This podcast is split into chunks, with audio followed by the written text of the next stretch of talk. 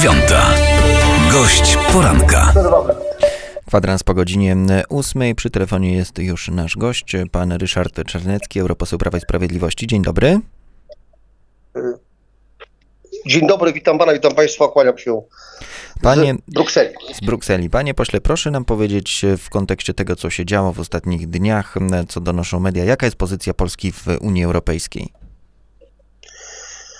Pozycja Polski jest e, taka, że jesteśmy częścią G5, czyli jednym z pięciu największych krajów członkowskich Unii Europejskiej. Krajem, który e, ma e, własne zdanie i stara się być podmiotem, a nie przedmiotem w relacjach międzynarodowych. Krajem, który wiele rzeczy robi wspólnie z innymi w ramach Unii Europejskiej, e, ale też walczy o własne interesy. e, Stąd atak na Polskę. E, Przy czym chciałem bardzo mocno podkreślić, że na przykład ostatni, ostatnia decyzja, orzeczenie Trybunału Konstytucyjnego w Polsce, które wywołało taką furię w sporej części Europy, choć także głosy poparcia, to nie jest nic nowego, ponieważ już wcześniej, w 2005 roku, Trybunał Konstytucyjny e, w Polsce, którym kierował wówczas profesor Marek Safian, obecnie z drugą kadencję przedstawiciel Polski w Trybunale Sprawiedliwości Unii Europejskiej, e, a później również Trybunał Konstytucyjny, którym kierował profesor Andrzej Rzepliński, e, a więc ten poprzedni, a bardzo podobne, w zasadzie identyczne w sensie wymowy orzeczenia podejmowały, więc nic nie nowi subsole, nic nowego pod słońcem, e, nic się nowego nie wydarzyło. Polska nie zmieniła zdania, że e, prawo krajowe jest ponad prawem unijnym, e, ale e, atak jest wściekły, bo po prostu kształtował to jako pewien pretekst. E, Jeżeli pan zapyta, o co chodzi tak naprawdę, przecież nie o wyrok Trybunału Konstytucyjnego w Polsce, e, tak jak nie chodziło wcześniej o kwestię Puszczy Białowieskiej, Kornika Drukarza, mediów, Izby Dyscyplinarnej Sądu Najwyższego, e, czy w ogóle e, zmian w Trybunale Konstytucyjnym, no to przecież chodzi o to, żeby e, ograniczyć możliwości konkurencyjności Polski, zarówno gospodarcze, jak i polityczne, tak aby Polska znowu stała się tym, czym kiedyś była dla naszych bliższych, dalszych sąsiadów, a więc państwem, które owszem ma wielki rynek zbytu i tanią siłę roboczą, jak to się określa, e, no ale już e, ma tylko słuchać i być pasem transmisyjnym dla Berlina, Paryża czy, czy Brukseli. No tak nie będzie e, i te wściekłe ataki na nich się nie zdają, zdadzą. Natomiast już ostatnie zdanie, zwracam uwagę, że tak szereg, szereg polityków, chociażby aż sześciu kandydatów do prezydenta Francji, od lewicy, od pana e, e, e, Montburga po e, centroprawicę, e, a więc e, na przykład komisarza, e, byłego komisarza w Komisji Europejskiej Michela Barnier, który zresztą w imieniu Brukseli Brexit negocjował, jego warunki. E, a więc są to ludzie, którzy są w jednej rodzinie politycznej z Platformą i PSL-em. Ci właśnie politycy poparli wyrok Polskiego Trybunału Konstytucyjnego. A więc widać, że Europa w tej kwestii jest podzielona. E, to nie jest tak, że cała Unia e, się dąsa. Mm, e, ale jeszcze raz podkreślam, to jest kwestia gry o to, aby Polska była podmiotem tych relacjach międzynarodowych. Wiem, że przez wiele lat nasi sąsiedzi zachodni, podkreślam, bliżsi, najbliżsi i dalsi, traktowali Polskę jako taki pas transmisyjny, ale to się skończyło. E, Marginalizacja roli Polski to jest jedna rzecz, o tym pan mówi, że takie są e, jakby cele e, i, i, i, chęci z, ze strony niektórych członków. Natomiast Olga Jurowa, Wera Jurowa, przepraszam bardzo, e, wiceprzewodnicząca Komisji Europejskiej powiedziała, że e, Unia zacznie się rozpadać, jeżeli nie zakwestionuje orzeczenia polskiego Trybunału, czyli tutaj już trochę inne zagrożenie niż, niż tylko marginalizacja roli naszego kraju. E, No właśnie się rozpada rząd, który delegował panią komisarz Jołorową e, do Komisji Europejskiej, także lepiej nie grozić Polsce. E, A tak mam pewną satysfakcję, bo pamiętam jak Franz Timmermans e, robił sobie kampanię wyborczą jeszcze jako kandydat w prawyborach na kandydatem, a, czyli na szefa Komisji Europejskiej w ramach Partii Socjalistycznej, Międzynarodowej Socjalistycznej, potem, potem robił tą kampanię już jako oficjalny kandydat i ją opierał na antypolonizmie, na krytykowaniu Polski, atakowaniu Polski. No i y, nie uzyskał y, fotela szefa Komisji Europejskiej, przegrał też walkę o bycie szefem Rady Europejskiej, a teraz kolejny polityk, który grał antypolonizmem, wzywał do bojkotu polskich towarów, potem grał kartą Turowa bardzo nie fair, czyli czeski premier Andrzej Babisz też odchodzi na śmietnik historii. E, ja się z tego cieszę, bo ci politycy, którzy podnoszą rękę na Polskę, powinni e, powinni być ukarani i cieszę się, że przegrywają wybory. E, niech Ewa Jorowa martwi się raczej oskarżeniami z Unii Europejskiej, tak, pani komisarz z Unii Europejskiej, które płyną wobec jej szefa, właśnie Andrzeja Babisza, jest oskarżany o to, że jako premier rządu czeskiego E, dysponował środkami unijnymi, przekierowując je do firm obywatela Andrzeja Babisza, to ta sama osoba, oligarcha czeski, który został premierem. E, myślę, że tym się powinna pani Ewa Jorowa zająć, a Polskę zostawić w spokoju. A jak e, Unia Europejska zareaguje teraz w najbliższych dniach namacalnie na to, co zrobił Trybunał Konstytucyjny w Polsce? Pytam tutaj konkretnie o roz, dwudniowe, dwudniową rozprawę w sprawie skargi złożonej przez Polskę i Węgry E, na mechanizm warunkowości, czyli e, kwestia Krajowego Planu e, Odbudowy i środków finansowych. Czy nie ma zagrożenia, że jakoś te środki stracimy, czy, czy będzie opóźniane ich wypłacanie, czy takiego instrumentu użyje tutaj Unia do tego, żeby na Polskę oddziaływać? Dobre pytanie, tylko zwracam uwagę, że Recovery Fund, Fundusz Odbudowy, dzieli się na takie dwa krany finansowe. Jeden to są wypłaty bezpośrednie, nie pożyczki, pomoc bezlotna, a drugie to są pożyczki, ten drugi kran finansowy. Żeby te pożyczki zaciągnąć, zresztą na bardzo, trzeba przyznać, niski procent, Unia Europejska, która ma dobry rating, gdy chodzi o E, o, o e, zaciąganie e, pożyczek, musiało uzyskać zgodę wszystkich państw członkowskich. Ja pan to sobie wyobrażam, panie redaktorze, że Polska żyruje tą olbrzymią pożyczkę i to na spłaconą przez parę dziesięcioleci, po czym nie utrzymuje pieniędzy z tego. No nie, no, nie żartujmy. Myślę, że historia jeszcze kiedyś wspólnoty węgla i stali europejskiej, potem EWG, teraz Unii Europejskiej, a więc można powiedzieć babci, potem tej y, y,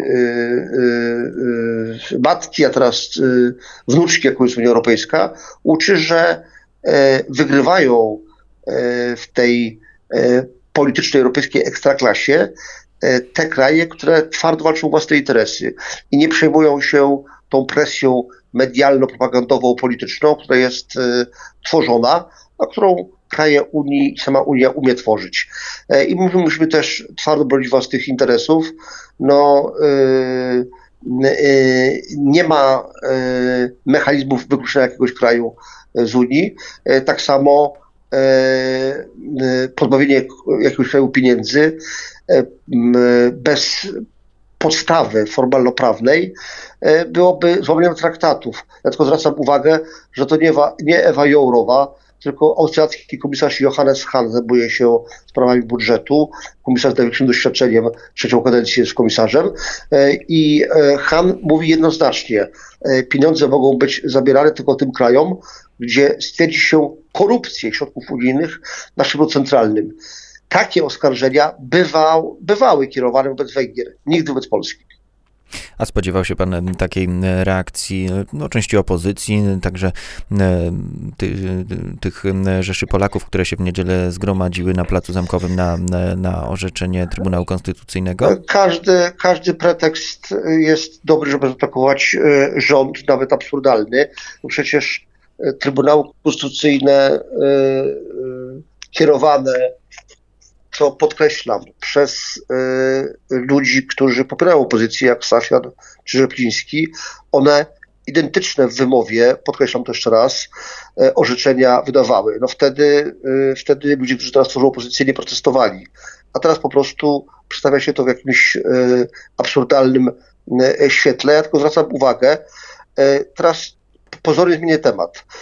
Wie pan, że we wrześniu dwu i półkrotnie wzrosła liczba nielegalnych przekroczeń granicy Białorusi z Polską i uwaga, dwa razy zmniejszyła się liczba nielegalnych przekroczeń granicy Białorusi-Litwy. A czemu? Ano dlatego, że na Litwie media i cała opozycja stanęła e, jak jeden mąż razem z rządem, aby z tą e, agresją, tą inwazją imigrantów, no, muzułmańskich głównie z Iraku, walczyć. A w Polsce e, duża część opozycji, nie może cała, duża część opozycji i znacząca część mediów wykorzystała sprawę tego ataku Łukaszenki tak naprawdę Kremla, tej, tej wojny hybrydowej e, imigracyjnej, wykorzystała jako pretekst do walenia w rząd. I właśnie dlatego uznano, że tutaj jest miękkie podbrzusze, że należy e, tysiące tych e, imigrantów kierować na granicę nie z Litwą, Białorusi, tylko z Polską. Właśnie do tego doprowadzają działania opozycji, a to, że, że tutaj E, zamiast bronić polskiej suwerenności, e, e, a przypomnę, że podobne orzeczenia wydawały Trybunał Konstytucyjny, chociażby w maju zeszłego roku Trybunał Konstytucyjny w Karlsruhe niemiecki, Trybunał Konstytucyjny we Francji, no tam to się nazywa Rada Stanu, nazywa się inaczej, ale jest tym samym.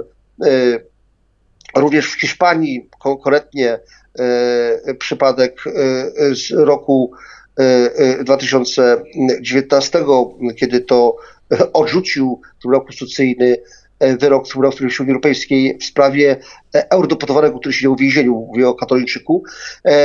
Trybunał Konstytucyjny w Czechach, w Danii, takich krajów jest wiele i to jakoś nie przeszkadzało Unii Europejskiej i to, uwaga, nie budziło takiej furii opozycji w tych krajach. A dlaczego e, w takim razie w Polsce tak mocno się podnosi ten wątek polexitu, tego, że rząd Prawa i Sprawiedliwości chce wyprowadzić Polskę z Unii Europejskiej? No, y, są na świecie ludzie, którzy wierzą, że y, tutaj regularnie ląduje UFO, albo Ziemia jest płaska. No i pan tych ludzi nie przekona. No, y, od kilku lat, poczytałem to Grzegorza Schetyry, który powiedział jako pierwszy, że grozi nam polexit, e, opozycja, nie mając innych merytorycznych argumentów w ręku, e, nie przedstawiając żadnego alternatywnego planu gospodarczego, e, społecznego dla Polski, wiedząc, że jest wysokie poparcie dla obecności Polski w Unii, przynajmniej przez najbliższych jeszcze 6, 7, 8 lat, kiedy Polska więcej dostaje pieniędzy z Unii Europejskiej niż, e, niż daje formie składki członkowskiej. To się ma zmienić w roku 2029, bo wtedy Polska stanie się płatnikiem netto, czyli nasza składka członkowska będzie większa niż to, co będziemy dostawać z Unii na, na różnego rodzaju e, projekty. E, wtedy pewnie liczba eurosceptyków się zwiększy mocno, bo będziemy utrzymywać, będziemy sponsorem, donorem Unii. Natomiast no, póki co 4 piąte Polaków czy 3 czwarte Polaków jest naszą obecnością w Unii. W związku z tym opozycja uznała, że jak będzie mówić, że rzekomo Prawo i Sprawiedliwość chce wyprowadzić Polskę z Unii, no to część Polaków obróci się przeciwko PiSowi. No że to jest taka stara, zdarta płyta, o tym się mówi już od kilku lat. Przez te kilka lat opozycja, która to mówi, przegrywa kolejne wybory, więc wydaje mi się, że nie jest to oręż specjalnie skuteczny. To jeszcze na koniec pytanie o krajową politykę, o krajową opozycję. Czy sądzi pan, że te wydarzenia, ten wiec w niedzielę, one mogą być traktowane jako pewien miernik tego, z kim Donald Tusk, z kim Platforma Obywatelska może rozmawiać na opozycji, bo przecież nie wszyscy politycy opozycji się tam pojawili.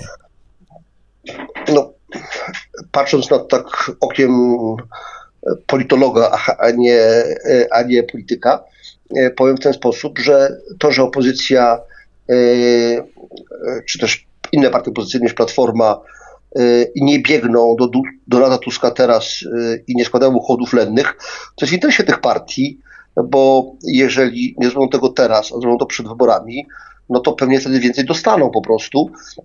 Natomiast no, zwracam uwagę, że y, największa porażka w sensie procentowym i to w wyborach, które najbardziej opozycji leżały, najbardziej zawsze, zawsze je wygrywała, PiS ich nigdy nie wygrał do 2019 roku, w wyborach europejskich nastąpiła wtedy, kiedy opozycja się całkiem zjednoczyła. Były tylko w zasadzie listy jedne, gdzie była było i SLD, i PSL, i oczywiście Platforma Obywatelska, i Partia Nowoczesna i dostali największego łupnia wtedy. Więc jeżeli tutaj następuje jakaś integracja opozycji, a twarzą tego jest Donald Tusk, który e, no, jest kojarzony przez dużą część Polaków źle. I wiadomo, że część wyborców lewicy, część wyborców PSL-u, część wyborców Hołowni na pewno nie poprze takiej wspólnej listy, e, no to nas to akurat nie martwi. Ryszard Czarnecki, europoseł Prawa i Sprawiedliwości, był gościem poranka 7.9. Panie pośle, bardzo dziękujemy, pozdrawiamy serdecznie. Dziękuję, kłaniam się z Brukseli, miłego dnia. Siódma, dziewiąta. Gość poranka.